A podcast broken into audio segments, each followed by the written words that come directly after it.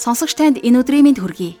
Библийн хуудас радио хичээлийн өнөөдрийн цоошин дугаар танд хүрэхэд бэлэн боллоо. Өнгөрсөн хичээлээр жаргал агш Бурхан бидэнд ажил даалгадаг тухай ярьж хэлсэн байна. Хүмүүс өөрийнхөө хийж байгаа зүйлийг бусдынхаас илүү гэж боддог. Гэтэл энэ бодолтой хит автагдаад ирэхээрээ миний ажил бусдынхаас чухал А эсвэл эсэргээрээ энэ хүний ажил минийхаас илүү үн цэнтэй байна гэж боддог. Харин энэ бодол маань бидний амьдралын үн цэнийг бас амьдралын маань утга учирыг алдагдуулдаг. Жаргал огшийн заасан хичээлээс бурхан надаас яг юу хүсэж байгаа юм бол би өөрөөсөө шалтгааллах бүхнийг бэлдээд бас өөрийгөө бэлтгээд хизээ намайг хэрэглэх бол хизээ миний цаг ирэх бол гэж амьдрах ёстойг ойлгосон шүү дээ. Харин өнөөдрийн хичээлээр бид үргэлжлүүлэн хүссэн юм хүзүү орооно А эсвэл их сансан газар 9 шин хоосон гэдэг Монгол ардын хил зүгийн аль нь амьдралд илүү ойр болохыг хамтдаа судлах болно. Жаргал агшиг хичээлээ эхлүүлэхээс өмнө бурханд хандаж залбирцгаая.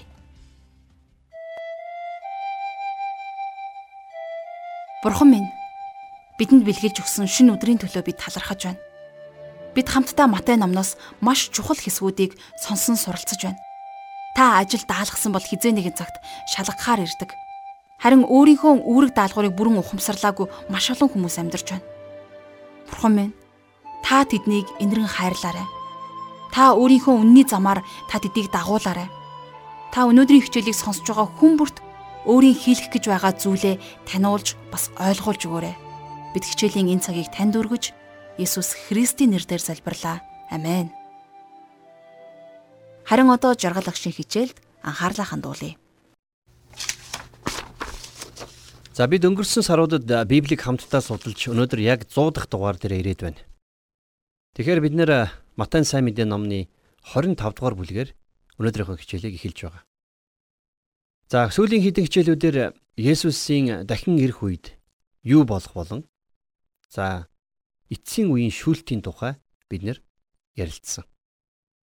За энэ бүлэгт бидний эзэн түүний эрэлтэнд бэлэн байхыг хүмүүст сануулдаг. За зовлон шаналлын цаг үеийн турш бүх үндэстэн бурхны үгийг хүлээн авч сонсох боломж байх юм. Есүсийн тунхагласан хаанчлалын сайн мэдээ нь бидний хэлсэн бүх үндэстнүүдийн дунд номлогдох болно. А гэхдээ зарим бурханд итгэгч нар Христийн ахан дүүсээс татгалзаж за тэр битгий хэл Христэс өөрөөс нь хүртэл урна гэдгийг Есүс урьдчилан хэлсэн байдаг. За ингээд өнөөдрийнхөө хичээлийг Матай 25-ын 31-р ишлэлээр эхлэе. Хүний хүү алдраа дуурсхан бүх тэнгэр элч нарынхаа хамт ирж өөрийн сүр жавхланд синтидэ залрах болно. За энэ бол Матай сайн мэдээний хамгийн гол үг байгаа юм. Үнэн дээр энэ бол Бурхны бүхий л үг юм. Одоо бид нар бүх үндэстнүүд шүүгтгийг харна. Та энэ нь хувь хүн гэсэн утгатай биш үсттэй гэж асууж болох юм. Тийм ээ. Хувь хүний үндэстнийг бий болгодог болохыг та эндээс ойлгож аваарай. Гэхдээ үндэст нь тус бүр бурхны өмнө хариуцлага хүлээх болно. За 32 дугаар ишлэлдэр тэр бүх үндэстнийг өмнөө цуглуулж хончин хонио ямаанаас тусгаарладаг шиг тэр тэднийг нэг нэгнээс нь тусгаарлаад за энд төр зогсъё. Үндэстэн гэсэн үг буюу этнос гэсэн грек үг нь угсаатны бүлэг гэсэн давхар утгыг энд илэрхийлж байна. За цааш нь харъя. Хонио өөрийн баруун талд, ямааг зүүн талд байлгана. Тэгэхээр бурхан мэдээж хүнийг ямаанууд гэж дуудаагүй. Харин бүхий л хүн төрлөختөн хонь гэж дуудагдсан ч гэсэн дотроо хоёр төрөл байна гэдгийг хэлж байна. Төөрсөн хонь а нөгөө хэсэг нь аврагдсан хонь.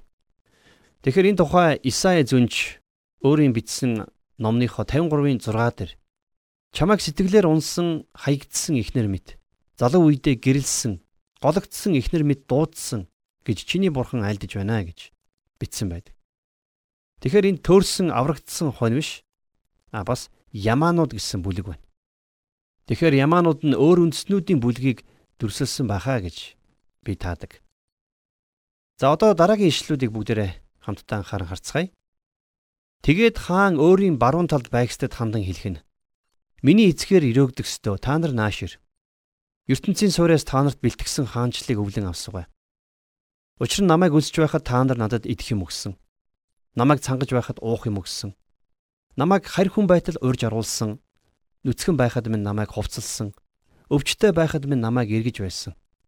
Шоронд байхад минь над руу ирсэн билээ гэхэд зөвд хүмүүс түнд эзэн бид хизээ таныг өсөж байхыгт нь хараад хооллож цангаж байхыгт нь хараад уух юм өгсөн юм бэ. Хизээ бид таныг харь газрынх байсныг нь хараад урьж оруулан нүцгэн байхыгт нь хараад хувцалсан юм бэ. Хизээ бид таныг өвчтөй байхыгт нь хараад эргэж шоронд байхыгт нь хараад очисон юм бэ гэх болно. Тэгэхэд хаан тэдэнд үннээр би та нарт хэлье. Та нар эдгээр ахын дүүсийн маань нэгэнд нь тэр байтугай хамгийн дордт нь тийхүү хандсан бол надад хийсэн хэрэг гэж хэлнэ гэсэн байна. Тэгэхээр өнөөх аимшиг зовлон шаналлын үед бурхнаар лацлагдсан 144 мянган евдээ хүн нь хаанчлалын сайн мэдээний үгийг номлохоор бүх дэлхий рүү явна. Энэ бол тэдний гмийн төлөө золиос болгон өргөгдсөн Христийг хүлээн авах болон за мөн түүний дахин ирэлтэнд бэлэн байх талаар номлох юм. Харин тэр үед Христийг эсэргүүцэгч нь Бурхны элч нарыг зэрлэгээр хөнөөж устгана. Тэд нар өөрсдийн амьдралын эрсдлийн үед хинч тэдэнд аяг хүйтэн ус өгөхгүй. Хин нэгэнд аяг хүйтэн ус өгөх нь бидний амьдарч байгаа өдрүүдэд маш бага үн цэнтэй байж болох ч гэсэн аимшигт зовлон шаналлын үеэр энэ бол асар том үйл хэрэг тус байх болно. За энэ нь бол Есүс Христийн талд зогсож амьдрна гэсэн утгатай. Тэгэхээр шүүгдсэн үндэстнүүд Есүс Христийг хүлээн авах, эсвэл түүнээс татгалзах гэсэн сонголт тэдний өмнө байх болно. Тэрээр миний ахан дүүсийн хамгийн дорд нэгэнд ч сайныг хийвэл надад тийм хийсэнтэй адилаа гэж хэлсэн. За яагаад гэвэл элч нар нь түүнийг төлөөлдөг. Тэр нь Тэнгэрийн хаанчлал ирж байгаа тэд аврагдахын тулд гимшиж Христ рүү эргэх хэрэгтэй гэсэн мэдээнд итгэх итгэлийг баталдаг юм. Тэдгээр татгалцсан хүмүүсийн хувьд зөвхөн нэг л шүүлт байгаа. За энэ тухай бүгдээрээ 45-аас 46 дугаар ишлэлээр харъя. Тэр хариуд нь Үннээр би та нарт хэлье. Та нар эдгээр хамгийн дордт нь инхүү үйлдэггүй бол надад ч хийгээгүй хэрэг гэж хэлнэ. Тэд мөнгө шийтгэлд харин зөвхт хүмүүс нь мөнх аминд орох юмаа гэж альдлаа гэсэн байна. Тэгэхээр бүх үндэстнүүд мянган жилийн хаанчлалд орно. Тэдний зарим нь Христэс татгалзах болно. Харин Христийн хоёр дахь удаа ирэх ирэлт нь үндэстнүүдийн шүүлт байж за тэгээд мянган жилийн хаанчлалд орох үндэст нь хэн болохыг тодорхойлно. Энэ шүүлт нь бусад бүхий шүүлтээс саланг онцгой болох нь илэрхий байдаг. За ингээд хамтдаа Матай 26 дугаар бүлэг дээр ирлээ. За Матай 26 дугаар бүлэг болвол Матайн сайн мэдээний номны хамгийн урт бүлэг байгаа юм. За энэ бүлэг дэх хэрэг явдал за наривчлах юм бол Есүсийг загалмай руу улам бүр чиглүүлдэг. За ингээд Матай 26 дугаар бүлгийн 1-р ишлэлийг хамтдаа уншийе. Есүс энэ бүх үгсээ хэлж дуусаад шавнартаа. Тэгэхээр Есүс энэ бүгдийг хэлж дуусаад гэж яг юу хэлсэн бэ? Тэрээр чидүүн улан дээрх сургаалаа зааж дуусаад гэсэн үг. Тэрээр тэдний олон асуултанд за мөн удахгүй ирэх тэр үеийн төгсгөлд болох шинж тэмдгүүдийн тухай дагалдагчдаа зааж сургасан. За ингээд 26 дугаар бүлгийн 2 дугаар эшлэлдэр 2 хоногийн дараа дээгүр өнгөрөх баяр болохыг та нар мэднэ. Хүний хүү цовдлуулахаар тушаагдана гэлээ. За ингээд дараагийн ишлүүд улам сонирхолтой болно. За 3-5 дугаар ишлэлдэр тэр үед тэргүүн тахилч Каяфийн ордонд ахлах тахилч нар болон олонний ахлагчид цуглаад Есүсийг залжин аргаар барьж алхахаар хойволцгаав. Гэхдээ тэд олон төмний дунд үүмэн гаргахгүй тулд баярын үеэр болохгүй хэмээцгээвэ гэсэн байна. За хоёрдугаар эшлэлдэр Есүс өөрийнхөө дагалдагч нарт өөрийнхөө алуулахаар явах тухай хэлсэн. За Библиэс харах юм бол энэ нь Есүсийн дагалдагч нартаа хэлсэн 6 дахь тохиолдол юм. Тэгэхээр анх Есүс дагалдагч нарынхаа хамт Кайсер Филипп гэдэг хотод ирэхдээ Тэрээр энэ тухай анх ярьж байсан. За одоо бол тэрээр өөрийн үхлийн хугацааг товлж байна. Тэрээр өөрийгөө дээгүр өнгөрөх баярын үеэр үхнэ гэдгийг тэдэнд урдчлан хэлсэн. А гэхдээ шашны удирдагчдад бол өөр төлөвлөгөө байсан. За 5 дугаар ишлэгийг анзаараарай. Гэхдээ тэд ард олны дунд үүмэн гарахгүй тулд баярын үеэр болохгүй хэмээцгээвэ гэсэн байдаг. А тэрнийг үхэл рүү түлхсэн хүмүүс нь түүнийг дээгүр өнгөрөх баярын үеэр цовдлохгүй гэж хэлсэн гэсэн үг. Харин Есүс дээгүүр өнгөрөх баярын үеэр өгөх болно гэж хэлсэн байна. Тэгэхээр яг тэр хизээ өгсөн бэ? Тэр дээгүүр өнгөрөх баярын үеэр өгсөн. Түүний дайснууд биш. Харин Есүс өөрөө өөрийнхөө үхлийн цаг хугацааг тогтоосон болохыг та эндээс харж болно. Есүс эцгийнхээ тушаал захирагдсан. Тэр бол Матай сайн мэдээний хаан. Гэхдээ хүчгүй сул дорой харагдаж буруутгал дунд байсаар байсан нэгэн байсан. Түүний дайснуудын хүнд хитсэн үзэн ядалт нь Есүсийн загалмаар ойртох тусам илүү зөөлөн болсон. За одоо 26 дугаар бүлгийн 6-аас 7 дугаар эшлэлдэр Есүсийг Битанд уйман өвчтөд Симоны герт байхад их үнтэй тос бүхий гөлтгөнэн сав барьсан эмэгтэй түүн дээр ирээд түүнийг тухлан суугаад хооллох үед толгой дээр нь тосоо цутгав. За энэ бол үнэхээр гайхалтай нэгэн үйл явдал байгаа юм. Иерусалим хот үзэн ядалтын газар байсан болвол харин Битан хайрын газар байсан. Есүс үхлийг амсах сүүлийн хідэн өдрүүдэд Битанд байсан.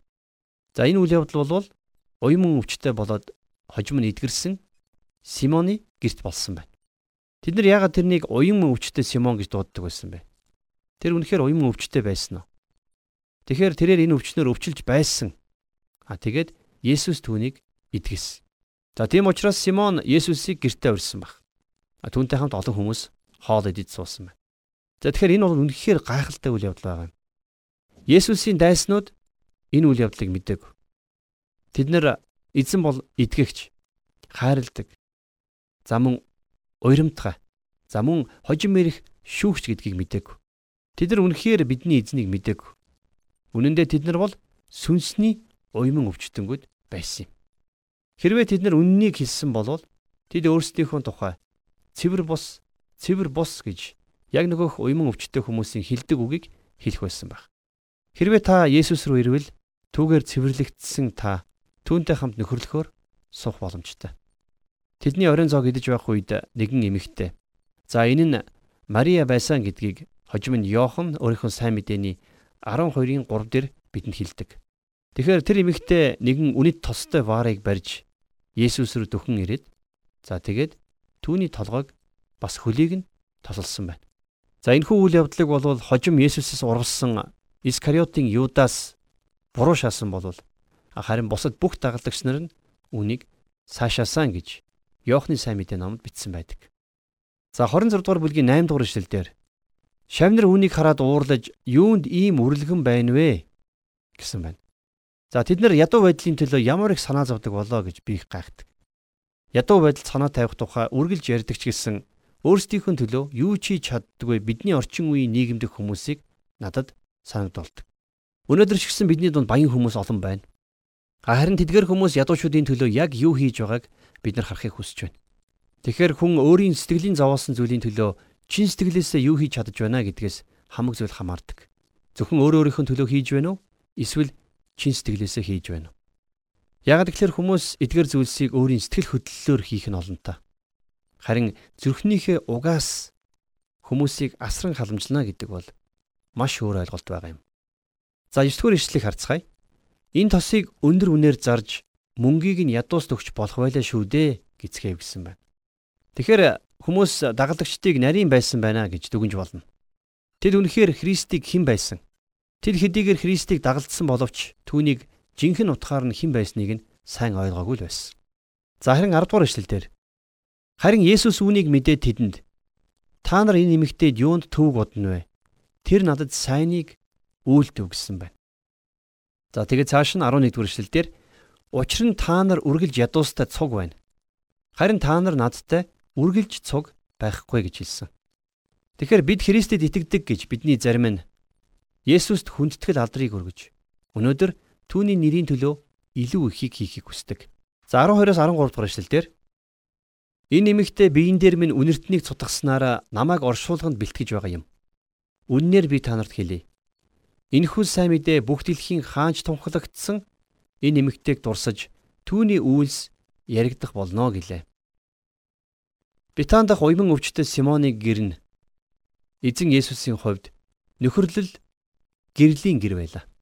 Харин эсэргээрээ Иерусалим хот бол үзэн ядагчдын харанхуй гэр байсан. Есүс өөрийнхөө амьдралын сүүлийн 7 хоногийн турш Иерусалим хотод хонолгүйгээр харин Битан руу явж тэрнийг хайрлсан эдгээр ядуустай хамт байсан юм. Түүнийг хүсэмжилж байгаа түүнийг хайрладаг хүмүүстэй өнөөдөр ч гэсэн Есүс нөхөрлөдөг.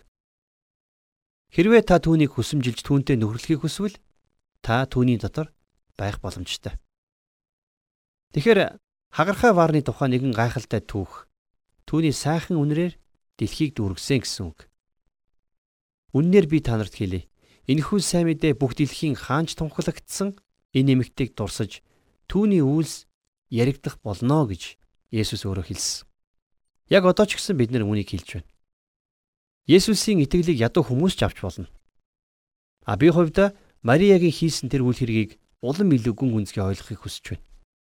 Христийн бүхий л дагалдагчдаас ганцхан Мария л Христийн үхлийг ойлгож энэ үхэлд нь оролцсон байхад харин Есүсийн элчнэр энэ утгыг бүрэн ойлгог. Гэвч тэр эмэгтэй бүх зүйлсийн үзүүрт зогссон бүгдийг ойлгож Есүсийг мэдж тэмж учраас түүнийг тосолсон. Тэр өөрийнхөө тосыг үнэхээр өрн таран хийсэн үү? Сайн мэдээний номонд 7 хоногийн эхний өдрийн өглөө өөр эмэгтэйчүүд түүний биеийг тослохоор Есүсийн булш руу ирсэн тухай гардаг. Тэгэхээр надад танаас асуух нэгэн асуулт байна. Тэд нар Есүсийн биеинд тосоо түргсэн болов? Үгүй. Яагад гэвэл Есүсийн бие булшин дотор байгаагүй. Тэр үхлээс амилсан байсан. Ганцхан Мария л түүнийг тослох онцгой эрхтэй байсан юм. Тэгэхээр та бид эзэн Есүсийн нэрийн төлөө өөрсдийн тосны савыг хаглах хэрэгтэй. Дэлхий түүнийг мэддэг. Тиймээс бид нар яавал өөрсдийн төлөө биш. Харин түүнд алдрыг авчрах тухай бодох хэрэгтэй. За одоо бүгдээрээ хамтдаа 26 дугаар бүлгийнхээ 14-өөс 16 дугаар ишлэгийг харцгаая. Тэр үед 12-ийн нэг болох Искариотын Юдас аглах тахилч нар руу очиж Түүнийг та нар тушаавал та нар надад юу өгмөр байна гэхэд тэд түүнд 30 мөнгөн зоос дэнслээд өгөв. Тэр мөчөөс эхлэн тэр Есүсийг барьж өгөх аятай боломжийг хайв. За ийхүү Есүсийн хамгийн дотны 12 дагалдагчдаас нэг нь түүнээс ургаж түүнийг барьж өгөхөөр хахуйл авч тохиролцсон байна. Тэгэхээр Искариотын Юдасын энэхүү үйлдэл нь за сүнслэгээр ойлгох юм бол Мариагийн үйлдэлтэй харьцуулах юм бол харанхуй бас хулчхар хэрэг байсан. Тэгэхээр Юдас Есүсээс урах боломжийг хайсан. Та хартаа хүмүүс явчихсан байсан. Тэгэд Есүсийг ганцаараа байхад нь энэ баримтчилгаа болсон юм. Тэгэхээр Юдас яг л энэ цагийг хүлээж байсан. За цааш нь харцгаая. 17-оос 19 дэх эшлэл. Эсгээгүй талхны баярын эхний өдөр шавнар нь түүн рүү ирж Танд зориулан дээгүүр өнгөрөх баярын зоогийг хаана бэлдүүлэхийг та хүсэж байна гэж асуухад тэр хот руу нэгэн хүн дээр очив.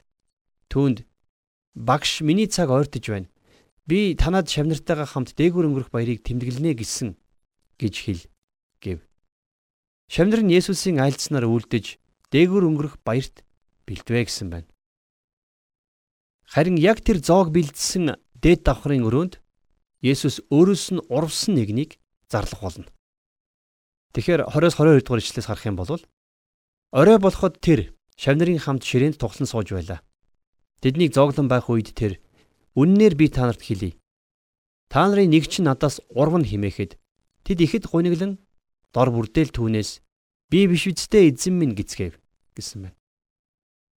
Тэгэхээр өнөөдөр бид нар бүгдээрээ өөрсдийнхөө зүрх сэтгэлд Христийг хуурч байна уу үгүй юу гэдгээ мэднэ. Яагад гэвэл та бидэнд ухамсар байдгийг. Та өөрийнхөө сул дорой байдлыг Есүст хизээ нэгэн цагт нээж илрүүлэн ярьж байсан уу? Хүн болгон сул дорой. Тэгээд та оо би ингэж ярмааргүй байна гэж хэлж болох юм. Хэрвээ Бурхан биднийг хяналтандаа байлгахгүй бол бид нар дараагийн 5 минутын дотор л түүнээс урвана. Тийм учраас хүн өөрийн сул дорой байдлыг мэдэж энэ бүхнийгээ бурханд илчлэн хэлэх нь бидэнд илүү тустай байх болно.